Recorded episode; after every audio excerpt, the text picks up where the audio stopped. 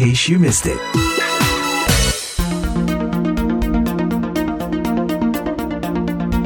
Pendengar, sudah menjadi rahasia umum bahwa di Indonesia, politik tidak saja berkelindan dengan kekuasaan, ekonomi, dan agama, tetapi juga olahraga. Pekan lalu Indonesia membayar harga sangat mahal ketika FIFA akhirnya memutuskan untuk membatalkan Indonesia sebagai tuan rumah Piala Dunia U20 2023. FIFA memang tidak menyebut dengan jelas alasan pembatalan itu. Sebagian pihak menilai keputusan FIFA terkait tragedi Kanjuruhan di Jawa Timur akhir tahun lalu yang menewaskan sedikitnya 125 orang. Tapi tidak sedikit yang menilai bahwa sikap dua gubernur yang menolak kedatangan tim nasional Israel untuk bertanding di Indonesia sebagai penyebab munculnya keputusan FIFA. Apa pun itu, Indonesia membayar harga yang sangat mahal, tidak saja terkait dengan anggaran yang sudah dikeluarkan untuk merenovasi stadion dan urusan teknis lain terkait U20, tapi juga nasib pesepak bola muda Indonesia sendiri yang semula berharap ajang U20 akan memberi mereka kesempatan lebih cemerlang di masa depan. Lalu apa pelajaran yang dapat kita petik dari peristiwa ini? Nah, dalam In Case You Miss It pagi ini, saya Mas Rieva akan bicara langsung dengan Profesor Dr. Sudarnoto Abdul Hakim, Kepala Bidang Hubungan Luar Negeri dan Kerjasama Internasional di Majelis Ulama Indonesia MUI, dan juga mantan wartawan yang kini menjadi pengamat olahraga Muhammad Kusnaini. Selamat pagi Prof. Sudarnoto dan Pak Kusnaini. Sebelum kita mulai pembicaraan ini, kita simak dulu sedikit pernyataan Presiden Joko Widodo terkait keputusan FIFA ya. Urusan bola ini memang Pusing saya dua minggu ini gara-gara bola. Pusing betul. Karena apa pun itu sulitnya, sangat sulit sekali untuk bisa menjadi tuan rumah itu. Yang mengajukan, bukan satu, dua, tiga, puluhan negara mengajukan. Dan kita juga ikut mengajukan, lobby sana, lobby sini menyampaikan apa, kesiapan infrastruktur dan fasilitas-fasilitas kita akhirnya terakhir tiga negara dan kita dipilih. Kita menyiapkan tiga tahun. Lapangannya dicek, perbaiki, dicek lagi, diperbaiki, dicek lagi. Tidak semudah itu. Ya, setelah menemui para pemain tim nasional sepak bola Indonesia U20 di Stadion Gelora Bung Karno pada 1 April lalu untuk memberi semangat tentunya pada pemain muda kita, Presiden Joko Widodo dalam satu acara buka puasa curhat soal betapa memusingkannya urusan pembatalan FIFA. Kita ke Prof. Sudarnoto dulu nih. Sebetulnya apa sih Prof yang membuat MUI sebagai salah satu badan yang ikut menolak kedatangan tim nasional Israel? Apa yang melatar belakang ini dan kenapa uh, jadi semakin mengeras betul akhir-akhir ini? Uh, ya saya sampaikan di mass media secara terbuka bahkan sejak awal tahun lalu Mbak. Sejak awal tahun lalu pemerintah melalui Kemenpora mengumumkan akan diselenggarakannya Piala Dunia Sepak Bola U20 dan juga apa namanya memberikan keamanan ya ini kan tugas negara memang memberikan keamanan terhadap perhelatan besar ini. Tapi saya sampaikan jangan buru-buru uh, harus perlulah perlu dilakukan koordinasi dengan masyarakat Indonesia melalui ormas-ormas MUI bahkan MUI saya menyata, menyampaikan begitu bersedialah kalau diundang untuk membicarakan, mengantisipasi karena isu Israel itu sangat sensitif, apalagi pembelaan kita terhadap Palestina itu pun ya total lah ya. Dasarnya ya konstitusi dan juga tidak ada hubungan diplomatik Indonesia dan Israel itu. Dalam keyakinan kami MUI dengan dua paling tidak dua alasan itu kita tegas bahwa warga ini warga ini soal warga. Soal warga Israel tidak boleh masuk termasuk untuk acara-acara U20 ini gitu. Tapi kenapa hanya hanya di bola ini? Kenapa tidak di misalnya di uh, kejuaraan sepeda yang kemarin juga diikuti di uh, atlet Israel di uh, Senayan bulan Februari? Eh, iya, terus terang saya itu baru tahu. Mungkin karena nggak baca koran atau apa ya. Uh, itu kecelakaan menurut saya. Hmm. Kalau ke saya mendengar ya saya akan menyampaikan menyampaikan sikap yang sama. Nah, yang kedua, sepak bola. Sepak bola itu beda sekali dengan sepeda ya. Beda sekali dengan renang. Melibatkan banyak orang, ada soal nasionalisme, ada soal macam-macam. Kemungkinan di situ ada kerusuhan, ya kayak di Malang itu kan, ada korban. Jadi luar biasa.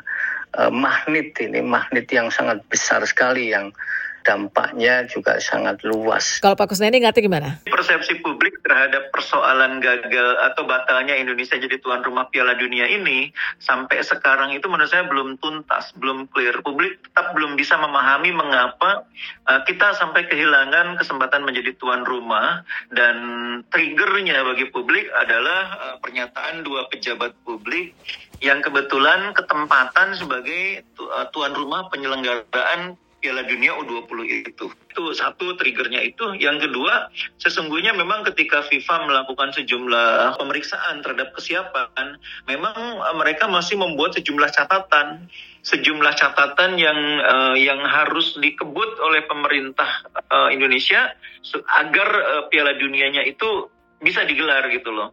Nah, ketika catatan itu masih cukup banyak, ditambah lagi dengan adanya intervensi dari pejabat publik, maka menguatkan keputusan FIFA untuk kayaknya belum siap gitu loh. Tadi Pak Kusnadi juga sebut tentang kuatnya alasan penolakan FIFA itu karena uh, sikap anomali atau perilaku para pejabat kita yang nggak biasa, yang menyuarakan penolakan, uh, nggak paham konstelasi iya. sepak bola, tapi memaksakan diri berpendapat misalnya dibandingkan kasus kanjuruhan. Bagaimana Anda, Anda melihat sebetulnya sosok seorang Erick Thohir yang yang sebetulnya jadi ketua PSSI tapi masih jadi menteri BUMN, lalu sekarang juga digadang-gadang buat jadi calon presiden, kayaknya ini jadi faktor juga barangkali Pak Kusnadi ya? Iya, kalau di negara seperti Indonesia yang apa yang masih dikategorikan sebagai negara berkembang, terutama di bidang di bidang olahraga, kehadiran pejabat publik itu sebetulnya tidak terhindari. Hmm. Kalau Anda perhatikan misalnya negara-negara lain seperti Malaysia, Thailand, atau bahkan negara se sekelas ini ya, Korea Selatan atau China, itu faktor pejabat publik itu mungkin masih cukup penting kehadirannya dan dan itu tidak terhindari. Bahkan kalau di Malaysia contohnya sebagian besar uh, klub yang bermain di liga profesional Malaysia itu milik kerajaan-kerajaan itu. Di bawah kontrol kerajaan gitu ya. Nah ini bagi saya itu bukan persoalan sebetulnya soal kehadiran Erick Thohir sebelumnya ada kehadiran juga Bapak Edi Rahmayadi gitu ya. Betul. Itu statusnya adalah pangkostrat. Iya. Jadi di Indonesia uh, masuknya pejabat publik dalam lingkaran kekuasaan organisasi olahraga itu sebetulnya bukan hal yang baru dan menurut saya bukan hal yang tabu karena kita memang belum beranjak dari fase olahraga sebagai hiburan, sebagai hobi menjadi olahraga sebagai industri. Tapi eh, kehadiran pejabat publik atau tokoh yang yang sangat kuat dengan, dengan unsur politiknya apa nggak membuat olahraga dalam hal ini sepak bola akhirnya juga diintervensi dengan dengan berbagai pesan atau provokasi politik? Nah, kalau itu saya harus menjawabnya dengan off the record itu. Karena akhirnya jadi begitu kan? Iya, sebenarnya mana yang salah saya tidak tidak ya tidak tidak perlu juga menyalah-nyalahkan satu yeah. dan lain tetapi semestinya menurut hemat saya FIFA itu bisa membuat keputusan yang lebih yang lebih ya, anulah yang lebih baik ya hmm. lebih lebih wise gitulah yeah. uh, Apakah tidak sebaiknya MUI itu kembali ke kita awal untuk urusan agama dalam arti umat Islam tidak -hmm. tidak misalnya uh, bicara dalam hal politik misalnya kita kan mau mau pemilu presiden nih Prof 2024 ya. Jadi nggak nggak nggak menyikapi dengan dengan apa mengeluarkan fatwa misalnya atau atau apa uh, menunjukkan politik identitas atau seperti inilah dalam hal U20 dan kedatangan Israel. Apa menurut Profesor harus ya, seperti itu? MUI itu kan tidak berpolitik. Hmm. MUI itu netral-netral. Uh, jadi urusan kemarin itu bukan karena bolanya, Mbak. Hmm. Kami tidak mempermasalahkan bolanya tapi mempersoalkan warga Israel yang masuk ke sini, yang kebetulan ikut ikut turnamen ya, Betul. itu masalahnya. Nah yang kedua, MUI itu punya peran dalam kaitannya dengan pemerintah itu istilah kami sebagai sodikul hukumah, partner pemerintah, gitu. Ini penting, bukan saja MUI sebetulnya, ormas-ormas. Kekuatan civil society itu harus menjadi partner. Tapi sekaligus juga menjadi ya sesuai dengan apa fungsi-fungsi dan peran civil society pada umumnya memberikan masukan-masukan, hmm.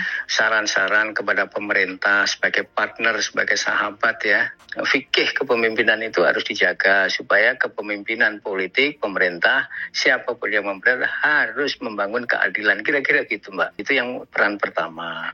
Soal dikul hukumah.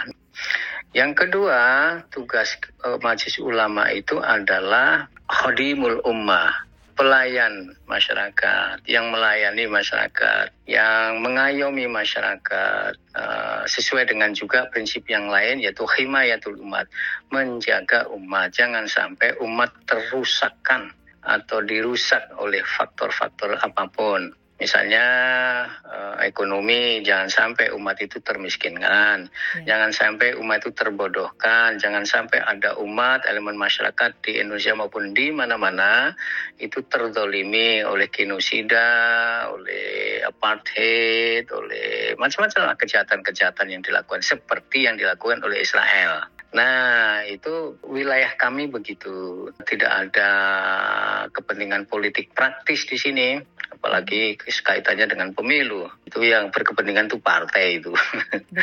nah, jadi, mm -mm, jadi, jadi itulah yang kami si yang kami yang kami emban. Kalau kaitannya dengan pemilu, kami pun juga membahas pemilu, hmm. tapi bukan dalam konteks politik praktis, tapi mengingatkan mengingatkan kepada pem, pemil, kepada pemerintah penyelenggara pemilu partai-partai uh, kontestan itu jangan sampai membentur-benturkan umat, jangan sampai juga membawa berbagai macam identitas yang justru kontraproduktif terhadap persatuan bangsa. Jadi dalam konteks olahraga kita juga memang masih memiliki sikap yang ambigu gitu loh. Betul. Karena di satu sisi kita ingin menjadi pemain global ya, artinya terlibat dalam event-event olahraga yang berskala internasional. Pemerintah kan saat ini kan gencar sekali mendatangkan MotoGP, Superbike, motocross, uh, kejuaraan dunia motocross, hmm. lalu kejuaraan dunia basket juga mau dibawa ke sini, kejuaraan dunia sepak bola Piala Dunia U20, bentar lagi World Beach Game sebelumnya ada apa uh, Islamic Solidarity Games itu kan semua ber, berskala internasional karena kita ingin menjadi pemain global karena menjadi pemain global itu inline dengan kebijakan untuk mengembangkan uh, ekonomi kreatif. Ekonomi kreatif itu salah satu pilarnya kan ini sport tourism. Nah, sport tourism itu paling efektif ya event. Betul. betul. Dengan mendata, dengan membuat event-event berskala global, kita akan uh, akan men-trigger kedatangan turis-turis asing, memperkuat image Indonesia sebagai negara yang aman dan sebagainya gitu ya. Ambisi besar sekali untuk menjadi pemain global. Hmm. Dan itu menurut saya sah gitu loh. Cuma pada saat bersamaan sikap kita ini belum clear gitu loh. Kalau kita mau jadi pemain global, maka kita harus bisa ber, apa, ber, bergaul di uh, percaturan global juga. Kalau bergaul di percaturan global, kita akan ketemu itu sama semua negara dari, dari berbagai dari berbagai belahan dunia yang punya atau tidak punya hubungan diplomatik, yang kita dukung atau kita dukung kebijakan luar negerinya. Nah, dalam konteks itu kita nggak nggak jelas di satu sisi kita masih pengen mempertahankan idealisme itu yang memang berbasis konstitusi gitu ya. Iya. Tapi di sisi yang lain kita mau menjadi pemain global yang konsekuensinya menuntut kesediaan untuk terbuka. Nah ini yang menurut saya sekarang dengan adanya menteri baru ini harus eh, PR besar dia itu harus memperjelas standing position kita standing position kita sebagai uh, sebagai bangsa, sebagai negara dalam konteks olahraga ini mau mau dibawa ke mana? Mau jadi pemain global atau cukup jadi pemain regional? Kalau kita nggak mau bertemu dengan negara semacam Israel, ya udah jadi pemain regional aja aman. Iya. Jangan bermimpi. Jangan bermimpi, betul. Jangan bermimpi. Betul. Iya, karena itu akan membuat kita setiap saat ber, berhadapan dengan persoalan seperti Piala Dunia U20. Jadi uh, ini PR pertamanya Pak Menteri ini yang baru buat saya sih itu mempertegas standing position kita sebagai um, bangsa dalam konteks olahraga maunya ke mana gitu.